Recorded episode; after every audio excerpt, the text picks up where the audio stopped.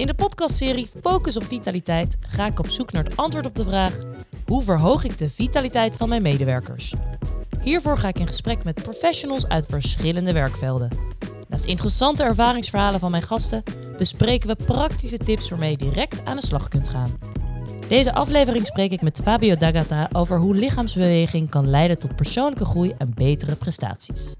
Fabio, welkom. Dankjewel. Fabio, jouw visie is dat je verandering doet met het hele lichaam. Klopt. Leg me dat eens uit. Hoe doe je dat? Nou, volgens mij zijn we heel goed in veranderingen bedenken met ons hoofd. Maar dat lichaam moet ook mee. Ja. Die moet dat ook snappen. Die moet dat ook integreren en dragen. En ik vind dat je dus verandert met je hele lichaam.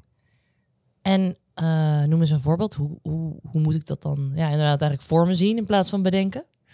Nou, als je iets bedenkt, dan uh, kan je dat zittend doen. Of uh, als je s'avonds in bed ligt voordat je gaat slapen, dan kan je bedenken, nou, ik ga het anders aanpakken. Ik ga veranderen, ik ga mijn leefstijl veranderen. Maar dat is moeilijk. Dat is moeilijk. ik denk zo'n 30% van de veranderingen die je bedenkt, die worden ook daadwerkelijk uitgevoerd. Of die mm. zijn succesvol.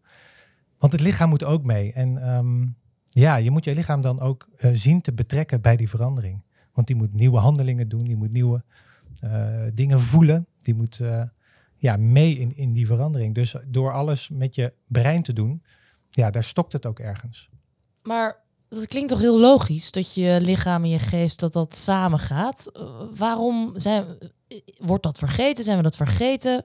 Ja, ik denk dat dat ook in de tijd uh, verandert en dat het ook vergeten kan worden, helemaal in de maatschappij waarin er ontzettend veel van ons brein wordt gevraagd. We moeten continu keuzes maken. We moeten heel veel nadenken. We hebben waanzinnig veel uh, kenniswerkers. Dus ja, dat lichaam dat kan heel makkelijk gebruikt worden als uh, brain taxi. Gewoon door, ja, door het leven heen te taxiën. En het uh, te weinig aandacht te geven. Terwijl het erbij hoort. En we komen zo direct op hoe we dat dan in balans zouden kunnen houden. Maar ja. uh, waar is het dan voor jou begonnen? Dat je denkt, nou wacht even, lichaam en geest, dat, dat zit hand in hand. Of misschien zelfs de een iets meer soms dan de ander. Ja, nou ja, toen ik, jongens, ik, ik kom uit de sportwereld. Ik ben uh, sportief opgeleid, of in ieder geval opgeleid tot sportleider, tot sportmarketeer ook. En uh, ik heb heel veel bewogen. En op een dag, toen ik 23 was, toen, toen lag ik op de grond uh, in Italië op vakantie. En kon ik niet meer opstaan. En ik was zo bang, ik was zo in paniek. Mijn lichaam sloeg op tilt. En ik had daar een, mijn eerste paniekaanval. En um, nou, dat duurde even voordat ik dat goed begreep er kwamen er ook steeds meer achteraan. Dus, dus ik had er echt, echt ontzettend veel last van. En um, ja, mijn lichaam en mijn geest waren toen uh, zeer ver uit balans. Dus ja, ik heb het echt ervaren als dat, dat de verbinding met mijn lijf was verbroken. En ik had er echt zo'n paniekaanval voor nodig om daar, ja, dat dat tot mij doordrong. En um, jij bent het ook vervolgens uh, niet alleen zelf gaan toepassen, maar ook jouw gedachten goed en het intelligent bewegen gaan delen door een boek en uh, coach-sessies. Waarom is dat zo belangrijk, denk je, om dit, verder, om dit te verspreiden, deze boodschap? Nou, volgens mij hebben we 1,3 miljoen mensen met burn-out klachten. Um, de mensen die in ieder geval in mijn tijdlijn zitten en die mij benaderen, ja, die komen allemaal met soortgelijke klachten. En ja, het voelen van het lijf, het begrijpen van het lijf, het begrijpen van lichaamssignalen en het lichaam in beweging in ieder geval voldoende in beweging krijgen, maar ook nog eens op een intelligente manier. Ja, dat is een, een, een, eh, een oplossing die je kunt gebruiken om, om lichaam en geest ook dichter bij elkaar te krijgen en meer in balans te krijgen. Dus Wat? ik vind het was voor mij natuurlijk cruciaal. Ja. Want ik, ik, ja, ik kwam binnen no time van mijn paniekaanvallen af door dat intelligent bewegen. Leg eens uit, dat intelligent bewegen. Wat, uh, wat is dat dan precies? Hoe, hoe pas je dat toe? Ja, goede vraag. Ik, um, ik zeg altijd dat is lichaamsbeweging voor persoonlijke groei. En hoe ik heb leren bewegen op het CIOS en, en later daarna ook en door mijn trainers. Um, dat ging uh, om, om presteren en dat ging om, om uh, betere tijden en om de punten en om de bekers.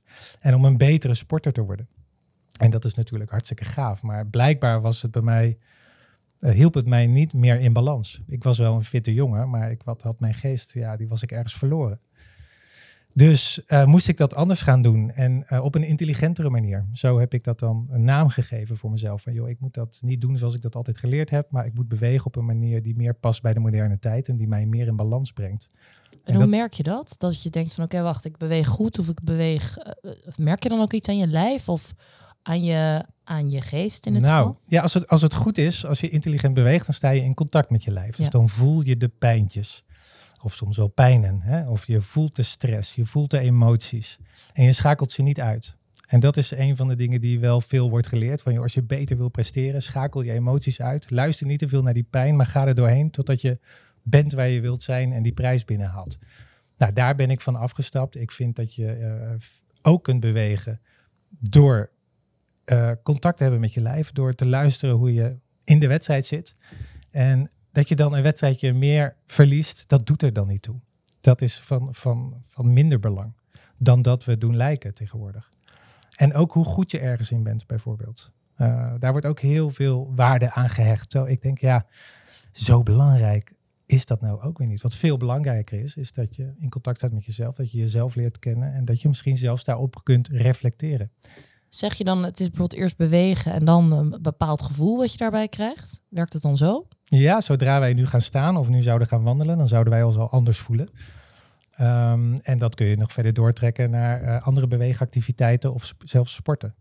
Hoe, hoe, hoe, ga je, hoe pak je dit aan als je ergens eh, binnenkomt?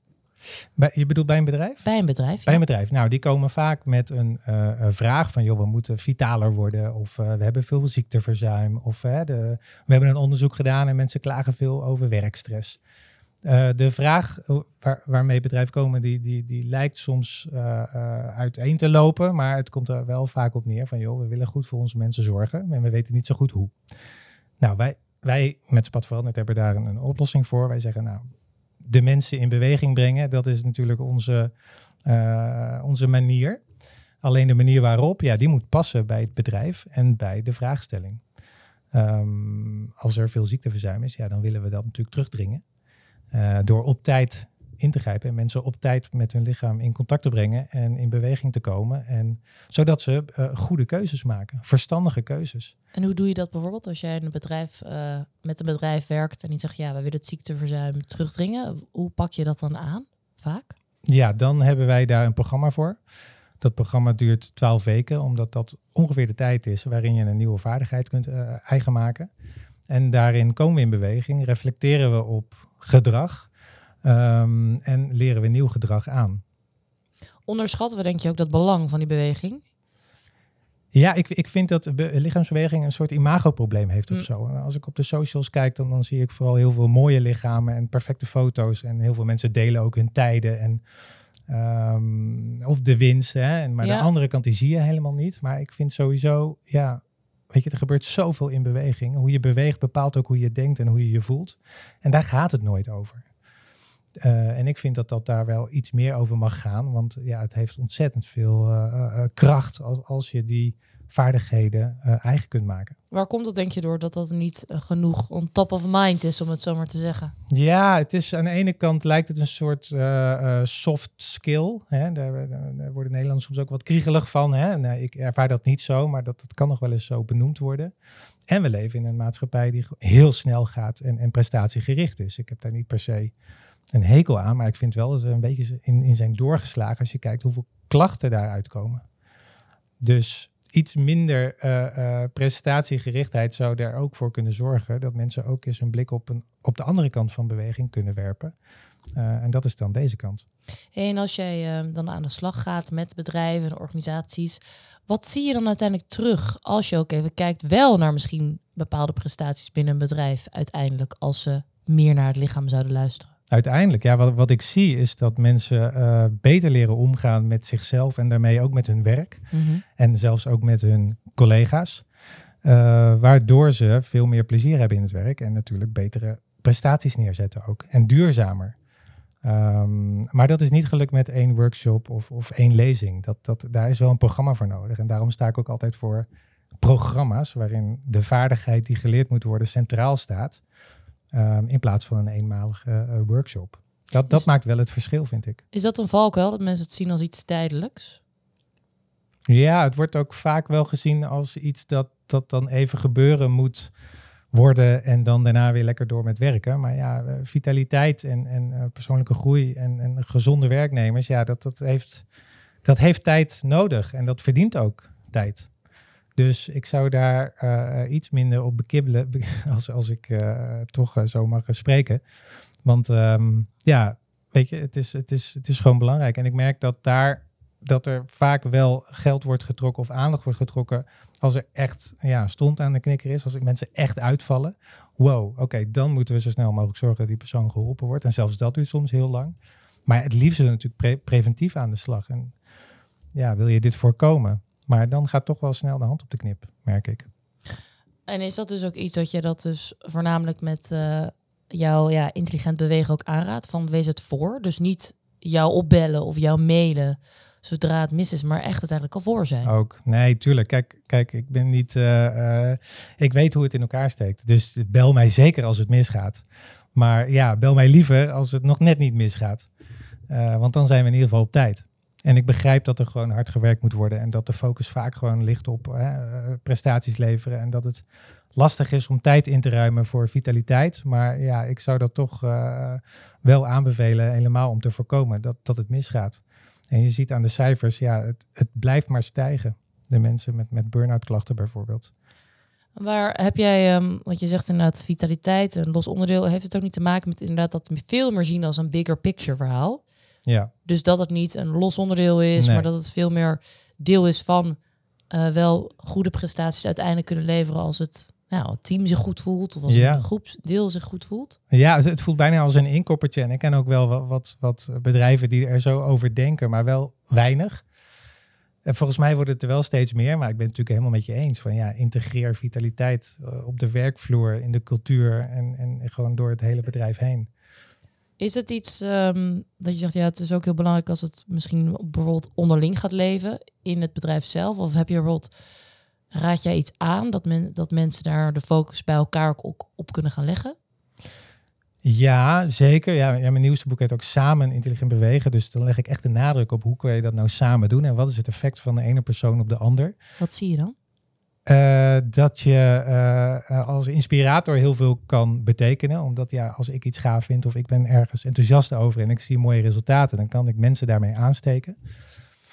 Um, en ik zie dat als je het op een intelligente manier doet en je durft ook een beetje te reflecteren daarin, dat je razendsnel kunt leren en ook gedrag kunt veranderen, omdat mensen heel goed gaan op feedback en daarmee snel ja, kunnen veranderen en uh, gedrag kunnen aanpassen. En daar is toch die ander voor nodig. En hoe kan je waken dat het misschien die andere kant op slaat? Dat juist de negatieve eh, manier van werken eigenlijk doorcijpelt en uh, gekopieerd wordt? Goeie vraag. Hè? Uh, die bedrijven ken ik natuurlijk ook. En, en het is heel complex, want het is ook cultuur, het is historie van een bedrijf. Maar het zijn vooral de mensen die er werken. Ja, en misschien toch wel de mensen die het voor het zeggen hebben. Dus de beslissers. de leidinggevende, de, de, de eindverantwoordelijke, ja, die hebben nog een extra belangrijke plek in het bedrijf om, om het verschil te maken. En als die er anders over denken, um, is moeilijk om die dan zo te beïnvloeden hè, dat, dat ze uh, hun ideeën bijstellen. Maar gelukkig ben jij er ook. Um, wat doe je dan bijvoorbeeld in zo'n... Ja, maar wat doe je dan bijvoorbeeld in zo'n uh, organisatie? Kan je ze een voorbeeld noemen als jij merkt van... oh, daar is het misschien wat lastiger om het om te denken of om te zetten? Ja, en dan toch kijk ik dan naar, naar hoe volwassen is een bedrijf hè, op, op, op vitaliteit. En dan uh, als dat heel laag blijkt te zijn, in mijn ogen, dat ik denk van goh, ja, ik zou graag een programma willen doen of ik zou graag verder willen gaan. Maar ja, ze willen maar hè, één klein stapje doen. Dan maar dat ene kleine stapje doen mm. en heel goed doen. En uh, ervoor zorgen dat er goede evaluaties komen en teruggeven van, joh, moet je kijken, de mensen willen dit, ze hebben dit nodig. Ja, blijven lobbyen eigenlijk voor, voor meer en je hebt natuurlijk een deel wat gebeurt onder de werktijd. Dus inderdaad, als we kijken naar intelligent bewegen en een bepaalde aanpak doorvoeren. Hoe belangrijk is ook die balans houden in privé-tijd? Dat je zorgt dat die twee gekoppeld blijven. Het brein, het lichaam. En uh, dat je ook thuis er misschien mee aan de slag gaat. Ja, nou ja, ik, ik zie het wel zo dat, dat het lichaam waarmee ik nu hier met jou zit te praten en te werken eigenlijk. Dat is ook het lichaam waarmee ik vanavond uh, met mijn kindjes aan het stoeien ben. Ja. Dat is hetzelfde lijf. Dus uh, uh, wat ik hier vertel neem ik weer mee naar huis. En wat ik thuis doe neem ik weer mee naar mijn werk. Mm.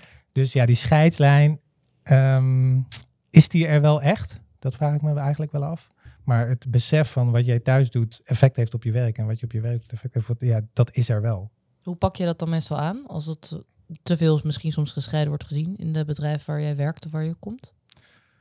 Nou, het is niet verkeerd om het te uh, scheiden. En je, kan een zelfsbeweging heel slim inzetten om, om uh, van je werkstress ja, op je werk te laten. Hmm. En dan uh, zonder die, die ballast weer terug naar je gezin te gaan of naar je thuissituatie. En andersom, dus je kan ook beweging gebruiken om lekker de dag te starten, je werkdag, en daar met volle energie in te gaan. En dan ben je beweging slim aan het inzetten. Oké. Okay. Dus dus het, het, het, het, bijna letterlijk afschudden van je, uh, uh, van je werkstress om vijf uur of om zes uur laat je ook stopt. Ja, dat heeft gewoon een goed effect op hoe je daarna uh, thuis de deur open doet en, en daar binnenkomt. Heel praktisch. Heb je ook tips hoe iemand dat zou kunnen doen? Die, die omgevingen veranderen of dat afschudden van die stress? Ja, ik, ik zou daar echt een kwartier tot een half uur uh, misschien wel voor nemen. Uh, sommige mensen die fietsen bijvoorbeeld al naar huis. Hè, en, zo, mm. zo, en dat is al wel heel slim. Die, en die geven ook vaak terug van, joh, ik vind het fijn, want dan kan ik mijn werk een beetje achter me laten en dan kom ik fris weer thuis. Um, wat we ook veel doen is uh, dat aan te bieden bij bedrijven en dan altijd een andere smaak te geven. Dus soms is het gewoon letterlijk van je afschudden. Uh, soms is het meer uh, wat meer yoga-achtige oefeningen, dus heel rustig. Maar het kan ook best wel intensief. Je kan best wel intensief bewegen en daarmee juist je, stress verliezen. En dat hangt wel af van wie jij, wie jij bent en wat jouw voorkeur is. Ik zeg niet van ja, je moet het zo doen en that's it. Je moet eigenlijk een manier zien te vinden die voor jou lekker voelt, waarmee jij lekker je lichaam in beweging kan brengen en een scheiding kan aanbrengen tussen je werkomgeving en je thuisomgeving. Want wat zie jij aan die beweging van mensen? Want je vertelt ook al, weet je, intelligent bewegen, het, het samen gaan van de geest, van het, uh, ja. het lichaam. Wat zie je aan hoe mensen bewegen? Ja, daar, daar is natuurlijk heel veel aan af te zien. Hè? Dat, dat weten we allemaal ook wel. Dat lichaamstaal, dat, dat ligt bijna niet. Um, het is heel eerlijk en je kan het ook niet vooraf bedenken hoe je je beweegt, vaak. Dus het is heel eerlijk. En um, ja, daar heb ik nu inmiddels ogen voor om dat bij mensen af te lezen. Ik durf ook niet meer te bewegen. nee, je zit ook al de hele tijd stil. Heel stil. Dus, uh, nee, maar dat is alleen maar leuk. Daar hoef je ook helemaal niet bang voor te zijn. Het is juist hele interessante informatie van, joh, hoe staat mijn lichaam erbij? Hoe beweeg ik? En wat zegt dat over hoe ik vandaag in de dag zit? Hm. En dat kan je soms wat informatie geven die je met je brein nog niet had kunnen snappen. Kan je een voorbeeld geven? Ja, mensen die uh, gestrest zijn bijvoorbeeld en dat nog niet echt doorhebben, maar wel met hun schouders omhoog zitten. Of met gefronste wenkbrauwen. Of uh, uh, mensen die met hun voeten een andere kant op wijzen bijvoorbeeld.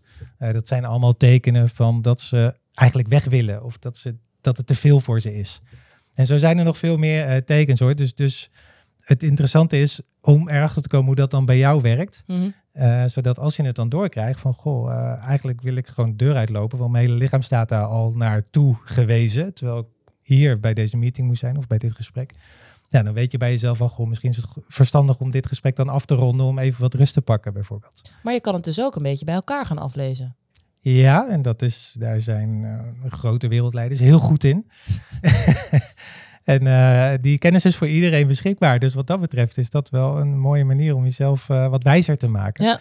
En ook om de ander daarbij te helpen. Want als ik zie dat mijn collega verkrampt achter de computer zit of zijn werk doet, ja, dan zeg ik gewoon, joh, ga lekker even een stukje wandelen of zo. Doe even relaxed, weet je wel. ja, dan kan je elkaar ook helpen. Hey, en heb je bijvoorbeeld ook recent iets gezien dat je denkt, oké, deze persoon of deze groep mensen bewogen op een bepaalde manier en ik zie echt door bijvoorbeeld een bepaalde andere aanpak dat ze anders zijn gaan bewegen of anders nou, zitten? Ja, zeker. Nee, nee, continu. Ik heb in mijn boek ook voorbeelden van mensen. Bijvoorbeeld, uh, we doen veel voor het ministerie van Defensie. Dat zijn allemaal militairen die uh, langdurig ziek zijn. En uh, die zitten dan ook bij ons in het programma. Dan heb je het echt over honderden deelnemers per jaar. Um, en ja, de cultuur van zo'n organisatie als Defensie. Uh, je kan je voorstellen dat dat gewoon stoere mm. mensen zijn die, die ver gaan voor dingen en die gedrag laten zien hè, dat dat niet opgeeft. En dat zien we dan ook terug in hun gedrag tijdens het bewegen. En dat proberen we dan wel uh, dusdanig te beïnvloeden dat ze ook een andere smaak leren kennen. Dat het best oké okay is om soms even een balletje te laten gaan. Of om even uit het spel te stappen of om even rust te nemen. En dan zie je ook in hun bewegingen dat die gaan veranderen. Hoe belangrijk is de rol van een werkgever hier dan bijvoorbeeld in om te zorgen dat, dat gedrag en die beweging verandert? Ja, een werkgever die kan experts inschakelen om daar eh, mee om te gaan en, Mhm. en om, om, dat, om daarmee aan de slag te gaan en om dat te verbeteren. Eh, een werkgever moet alleen wel een visie hebben op vitaliteit en op beweging en op hun medewerkers, die, die, die du- duurzaam is en die bij de moderne tijd past. Eh, daar, daar begint wel alles. Ja, en dat dan vervolgens door blijven stimuleren. Dat je zegt van, nou ja, dan is het wel goed als een werkgever bijvoorbeeld deze tip gebruikt. Ja, om, om dat te blijven eh, Ja? doen. Ja, eh, eh, veel meer denken in, in persoonlijke ontwikkeling, in persoonlijke groei. En dat heeft tijd nodig, dat heeft aandacht nodig en dat stopt ook nooit. Dus je kan je hele leven natuurlijk blijven leren. En dat is in het vak waarin iemand werkt natuurlijk obvious, dat is duidelijk. Eh, daar investeert een eh, bedrijf en een eh, CEO natuurlijk graag in. Maar ook in de persoonlijke groei van iemands vitaliteit en gezondheid. Dat is eigenlijk precies hetzelfde. Dus dat is ook een continu proces. En wat zie je, wat het uiteindelijk even dan, als we toch alweer winst hebben, Ja. oplevert voor zo'n bedrijf of voor een werkgever? Een, een organisatie die, nou ja, anders gaat bewegen en ehm, daarmee aan de slag gaat, om dat ook zo anders te zien. Ja. ja, heel concreet wat, wat wij zien is natuurlijk dat het, het eh, ziekteverzuim afneemt. Mhm. Wij eh, krijgen in de vragenlijsten terug dat mensen zich vrolijker voelen, beter voelen en fitter voelen. Dat ze zich bewuster zijn van hun lichaam. Ehm, en ook een interessante, die vind ik zelf eh, heel interessant, is dat mensen eerder terugkeren naar werk dan verwacht. Ja, ja. En dat is vooral bij de eh, mensen die uitvallen dan. Hè? Dus, dus eh, dan verwachten ze eigenlijk een lang ziekte, ziekteperiode. En dan eh, blijkt dat toch korter te zijn. En ja, dat vind ik een, zelf een hele grote winst. En ik, en ik ben er echt van overtuigd dat beweging, en dan ja, in mijn geval een intelligent bewegen, daar een hele grote bijdrage aan kan leveren. hey, en ehm, wat moet ik nou echt niet doen als werkgever of als bedrijf? Wat je niet moet doen, Ja, als je zegt van, nou ja, dat is een valkuil als je hiermee wil starten. ik zou het zonde vinden als bedrijven zeg maar, gaan bewegen en daar altijd een competitie-element aan hangen. Oké, Want dat is ook wat ik veel zie. En dat, dat ziet er ook wel. Het, is ook, het heeft wel een kracht. Het is wel gezellig. Maar als je een competitiecultuur gaat creëren. en nog meer daarin gaat investeren. ja, dan, dan blijf je in die prestatiedrang zitten. ja. Dus eh, die, er moet echt een andere smaak in. En eh, ja, dat is dus niet altijd met het hele team de marathon lopen. of eh, wie Nee. kan het langst planken. Of eh, ja, leuke challenges. En, maar er is ook een andere kant. waarin je juist dat niet moet doen. Wat zou je ze bijvoorbeeld aanraden om dat dan daarmee dat te vervangen? Je zegt, nou, sla plank nu eens over, maar ga nu bijvoorbeeld toch eens dit proberen. Ja, intelligent bewegen. Dus, dus eh, contact maken met je lijf. Dat, dat woorden geven. eh, dat aan elkaar teruggeven. eh, challenges doen zonder winnaar. Maar misschien met een winnaar die de leukste uitspraak heeft gedaan. Of die het vaakst heeft meegedaan. Of hè, dat je andere dingen beloont dan wie, wie de beste is. Tijdens de marathon bijvoorbeeld degene met de beste sportschoenen aan. Ja, of iemand die... ja, ja, nou ja, dat zou een leuke kunnen zijn. Iedereen naar de grond kijken tijdens. ja, precies. Ja. Hey, en ehm, ehm, welke tips zou jij willen meegeven aan bedrijven die zitten luisteren en denken van, goh, ik wil toch eens ergens starten. Wat is dan het eerste waar, wat je ze wil eh, aandragen? Zet een eh, pingpongtafel neer. En eh, kijk af en toe wat dat oplevert. Oeh, dit voelt meteen als een very mysterious hint. En even aan mij verklappen, wat zou het kunnen opleveren? Eh, heel veel vrolijkheid, heel veel lachen. Eh, meer korte pauzes door het Mhm. werk heen, waardoor eh, het lichaam gezond blijft. Ja, het heeft een sportief element. Het heeft iets gezelligs. Ja. En ja, zet hem maar eens neer en kijk eens wat de collega's daarmee doen. Ja. En dan zie je eigenlijk al de kracht van sport en intelligent bewegen. Want daar worden geen battles uitgevochten eh, totdat iemand helemaal op de grond eh, kapot ligt te gaan. Maar er wordt juist heel veel gelachen. En iedereen kan ongeveer een balletje raken. Dus dat, ja, dan zie je eigenlijk al de kracht van, eh, van, van bewegen in je bedrijf. En voor de oplettende kijker valt er waarschijnlijk heel wat af te lezen aan de beweging tijdens het wedstrijdje. Ja. Fabio, dankjewel. Graag gedaan. Heel erg bedankt.